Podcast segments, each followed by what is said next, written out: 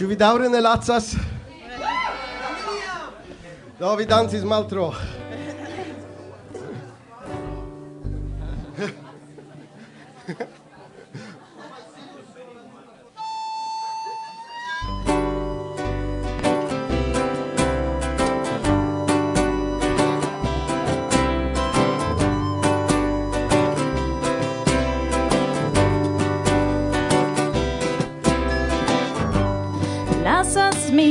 fenestron malferma in ci vesper. Ĉar mi ne volas maltrafi la magion en la aero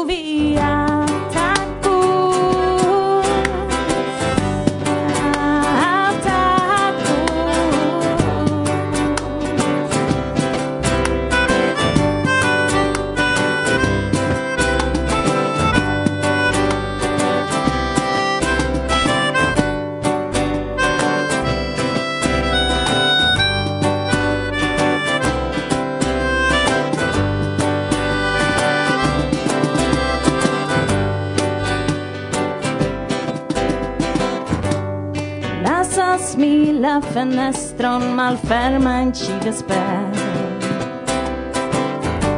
Ciar mine volas maltrafi la magia.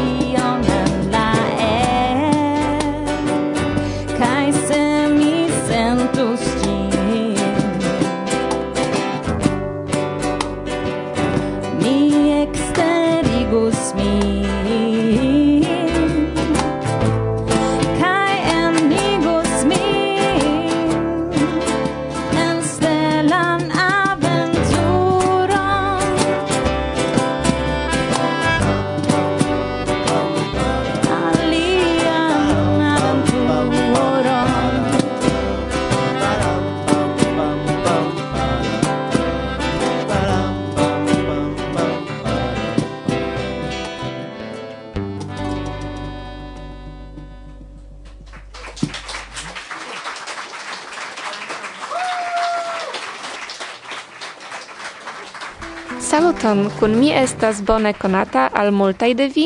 Ilona Kutni, el la Universitato Adam Mickiewicz en Poznano, kaj gvidanto de la interlingvistikaj studoj. Mi kutime okupiĝas eh, pri Esperanta lingvistiko, do tiel e, mia prelego dum Arkones rilatis ankaŭ al Esperanta lingvistiko, nome kiel ni povas periodigi la lingvon Esperanton ekde la komencoj eh, ĝis nun. Kiujn etapojn de evoluo trairis Esperanto?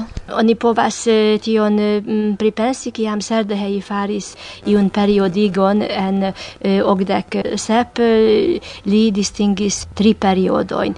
Niam pasis centridek du jaroj ekde la ekesto de Esperanto, kaj mi proponas kvin periodojn, la unua kiam Esperanto estis nur propono, kiam ĝi aperis en 1987, la dua periodo ekde 1905, kiam la fundamento fixis la lingvon, kaj mm, poste inter la du eh, mondmilitoj estas evoluo al matura lingvo, dank al la elformiĝo de bona eh, literatura lingvo, ankaŭ dank al la agado de la revuo literatura mondo. La quara periodo estas eh, post la dua mondmilito gis eh, eh, circaue okdek, kiam ni povas paroli en iusence pri scienza esperantologio, char tiam jam ekestis universitataj studoj en 1966 en la Ötvös Universitato en Budapesto kiu ebligis fakte fari plurjarajn studojn pri esperantologio kaj interlingvistiko. Krome ekestis ankaŭ diversaj esploro internaciscale, exemple pri la propedeutica valoro de Esperanto, mi tie denove referencas al professoro Serdehei, kiu gvidis la Quinlandan experimenton, kiel Esperanto, kiel eh, propedeutica lingvo, do lern faciliga lingvo helpas instruadon eh, kaj la evoluon ĉe la lernantoj de la sekva eh, fremda lingvo.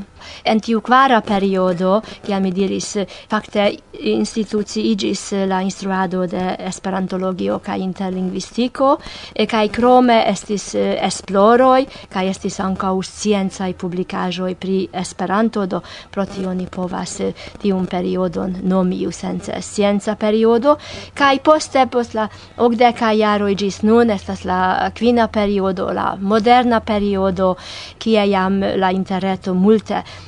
montras sian efficon al nia vivo, kiam eh, vortaroj estas en la reto kiel revo, eh, sed mm, compreneble, kiel en antaŭaj periodoj dum mia prelego prezentis la bazajn dokumentojn pri eh, gramatiko kaj ankaŭ bazajn vortarojn, nun leviĝas la demando ĉu en tiu ĉi nuna periodo ni havas adekvatajn vortarojn kaj adekvatan lingvistikan priskribon. Tio estas samtempe demando kaj ankaŭ alvoko. Eh, la lingvo estas viva kiam oni parolas ĝin, sed tio ankoraŭ ne signifas, ke ĝi disvolviĝas nature. Ĉu Esperanto faras tion sukcese? Kiaj estas la signoj de la natura disvolviĝo? la etnaj lingvoj evidente eh, disvolviĝas kaj Esperanto ankaŭ jam havas certan historion pli ol centridek jaran do oni jam povas observi ŝanĝojn en la lingvo. La plej evidenta estas la leksika pliriĉiĝo kiu en ĉiuj lingvoj devas okazi ania e, eh, vivo ŝanĝiĝas kaj la lingvo devas povi nomi ĉiujn tiujn novajn nociojn la grammatico estas iom pli konservema. E la evoluon de la grammatico au ŝanĝiĝon de la eh, grammatico ni ne povas eh, tiel rapide kapti nur eh, tra iarcentoi sed ancau etai ŝanĝoj eh, en Esperanto vidigas Kompreneble tio ne povas esti baza ŝanĝo, ĉar ni havas la fundamenton, kiu ec fixas nian grammatican bazon, sed oni povas pensi pri iui formoi kiui laŭ la eh, strukturo de la lingua lingvo eblas. Mi pensas pri tiuj formoj eh, legintus, eh, eh vendatas eh, kaj tiel plu, kiu estas pli ofte uzataj nuntempe. Aŭ mi pensas pri la enkonduko de nova prepozicio kiel far, ĉu ne?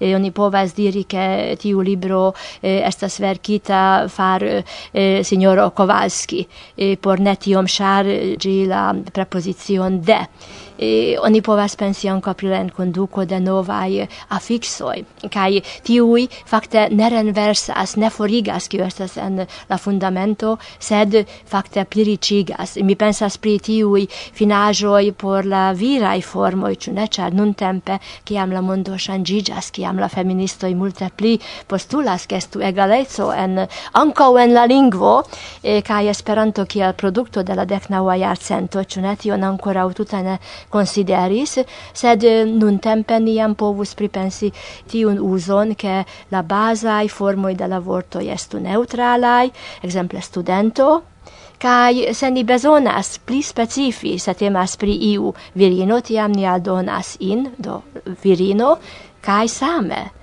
por pli specifica temas pri viro, oni havu iun aldonan e, sufikson kai estas propono por ich do studenticho. Kaj tio fakte creus iun simetrion en la lingvo kaj egalecon inter la seksoj. no, eh, Esperanto donas eblecon pri multa interesaj pripensoj. Dankon.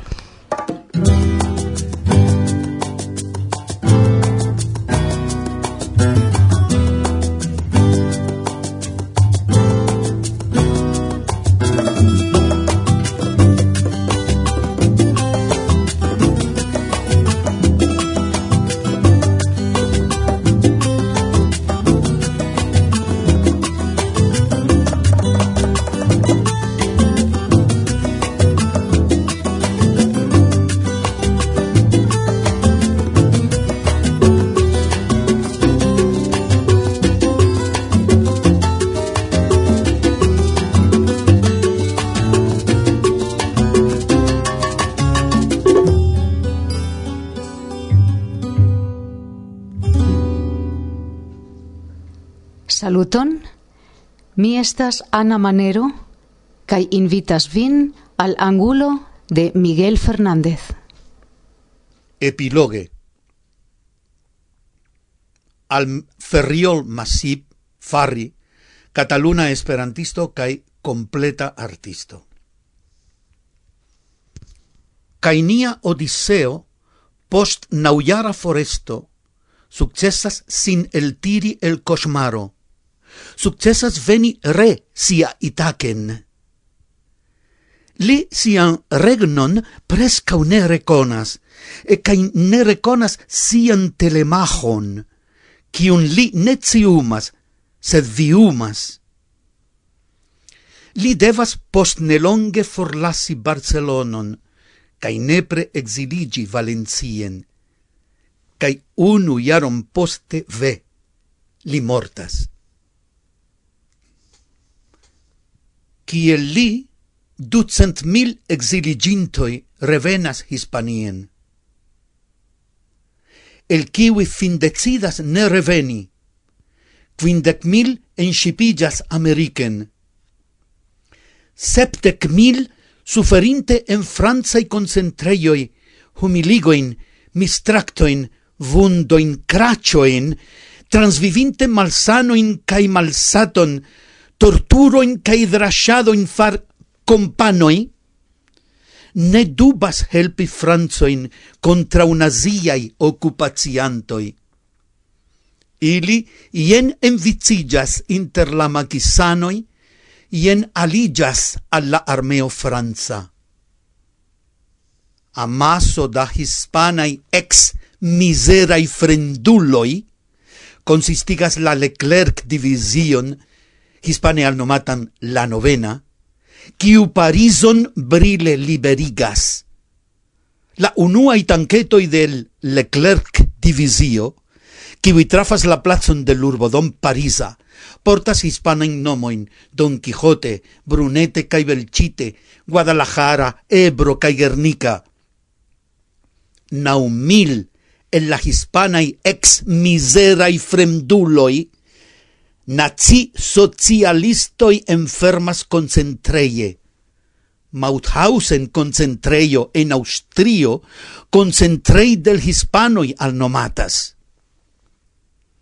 En la tombei parisa per la chaise videblas monumento starigita memore al hispanoi mortai por la libero, cun texte de la dua mond milito en quiu hispani ne partoprenis temas pri la hispanai ex miserai fremduloi. Sur gi legeblas che dec mil republicanoi hispanlandai mortis ve deportitai, dum du quin mil falis batalantai, brave ce la alianzanai trupoi, au ce la macisanoi, au paf executitai al ili flugu ci humilai versoi, kiwi ni legu cune, laute, lante. Tio la historion faras senza, caimetas harmonion en la cosmon.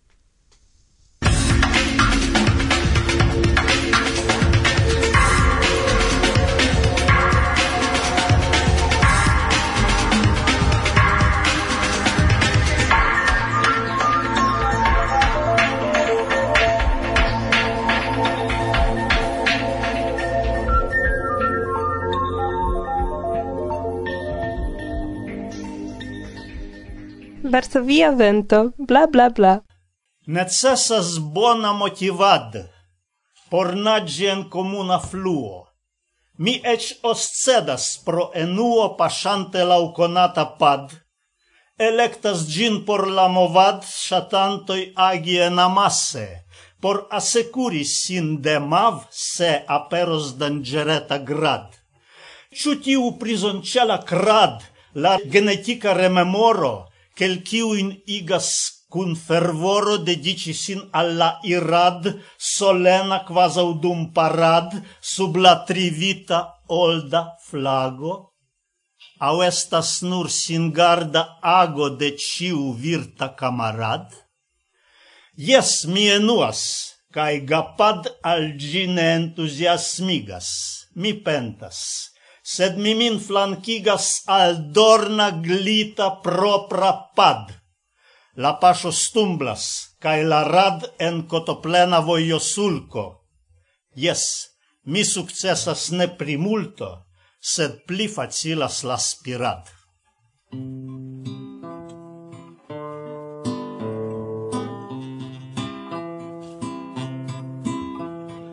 Irlas kai kirlas quire la sort En mia vivo caldrono Sciutas temperoin en ritma concord Inter auguro kai cono.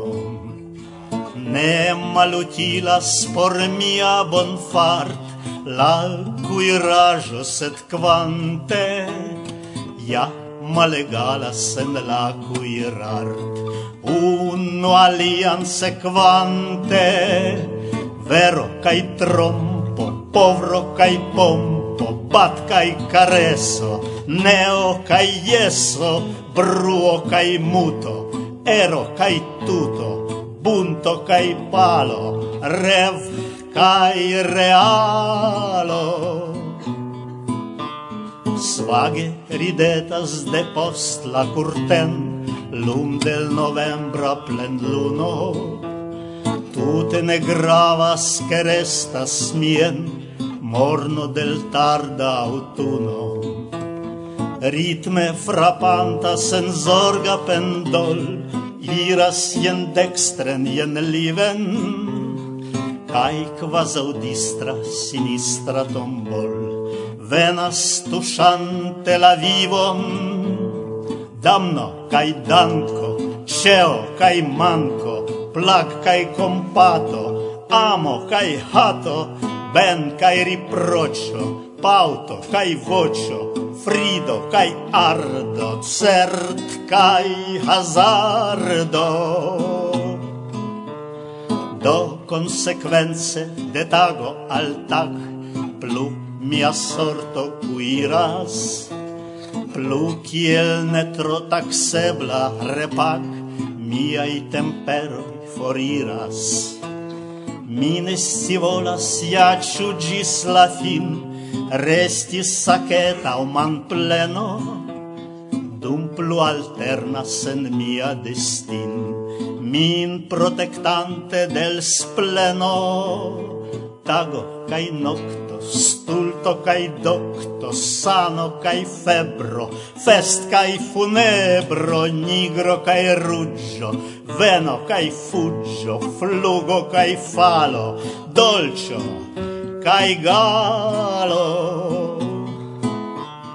Homia sort dum la verva cuir, flanken kirlilon ne metu, cae la temperon de mia forir, dum el caldronon ne jetu Dum aventuro in serciante cun shat Revoi batigas la coron Exter meditoi pri la lasta bat. Min revisitu u Pazzo cae vento, gioi cae turmento, pento cae peco, dormo cae veco, verso cae proso, lats cae riposo, sed cae obstino, gis fora fino.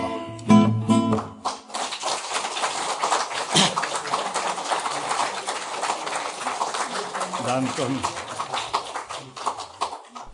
Saluton. En Bialistoko renkontigis cefa estraro de la Pola Esperanta Asocio ni discutis pri multaj aferoj kaj inter alie pri Transponta Esperanto-Kongreso. Temo de ĝi estas najbaroj. Renkontiĝos tri organizoj, Pola kaj Germana Esperanto-Asocioj kaj Internacia Fervoista Esperanto-Federacio. Venos do multaj homoj, aperos brava internacia etoso, apud interesa program propono.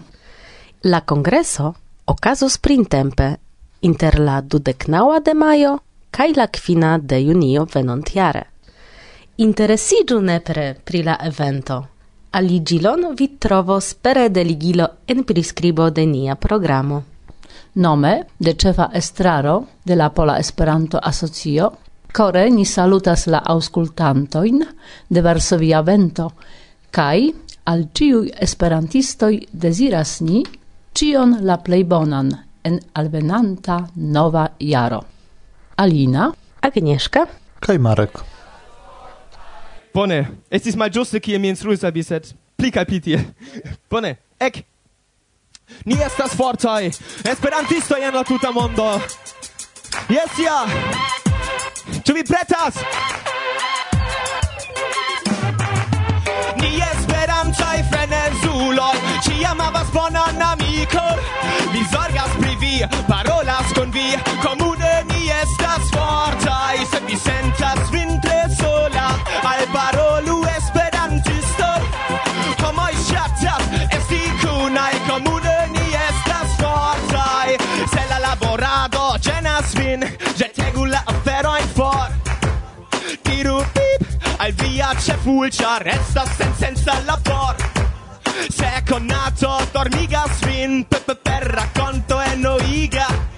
Diru cis e gio noi via vivo ne sen finas. Kai ni esperantai frenezuloi Ci amavas bonan amico. Mi sorgas pri vi, parolas con vi. Comune ni estas fortai Se vi sen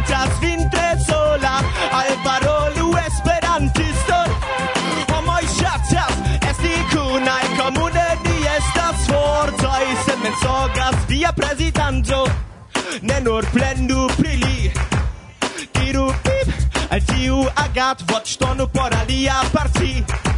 Se taga programmo aĉas laŭ vi Kai la manjo ne taugas por ventro ne plendu se helpu organizi la venontan eventon ĉar ni esperantoi Fedezuloi ĉiam havas bonan amico mi zorgas pri vi parolas con vi Comune ni estas sentas vin tre sola al parolu esperantiston homoj ŝatas esti kunaj komune ni estas for. Se ŝuojn aĉetas la kora mikino kaj vi devas pagi. Nu trankviliĝu kaj atendu miraĵon en la la la lito.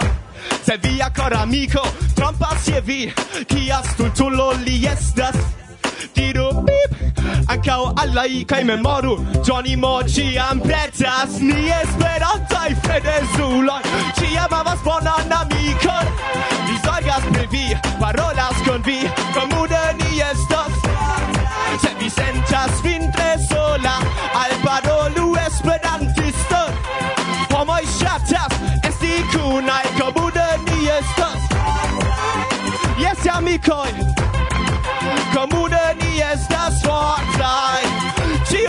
la da ĉambro. Komude ni estas fortaj.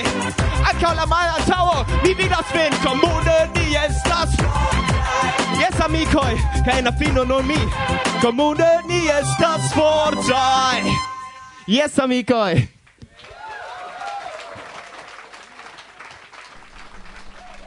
Kaj tio estas ĉio. Kion ni preparis por vi?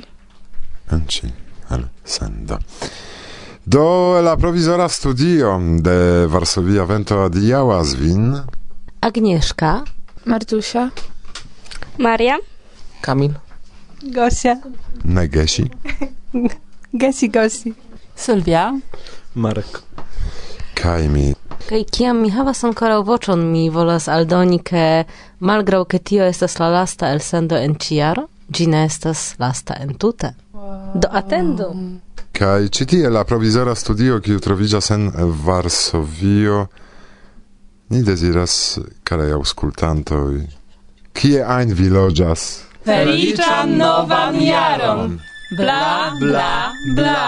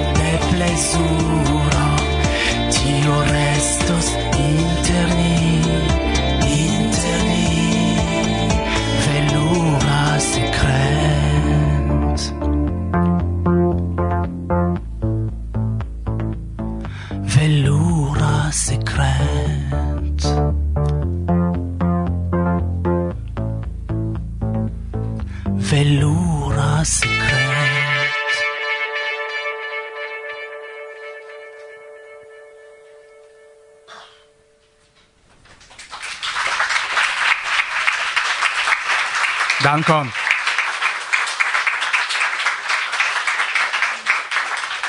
Eble iom, iom da lumo? Eblas iom da lumo? Yes. Falso via vento, bla bla bla.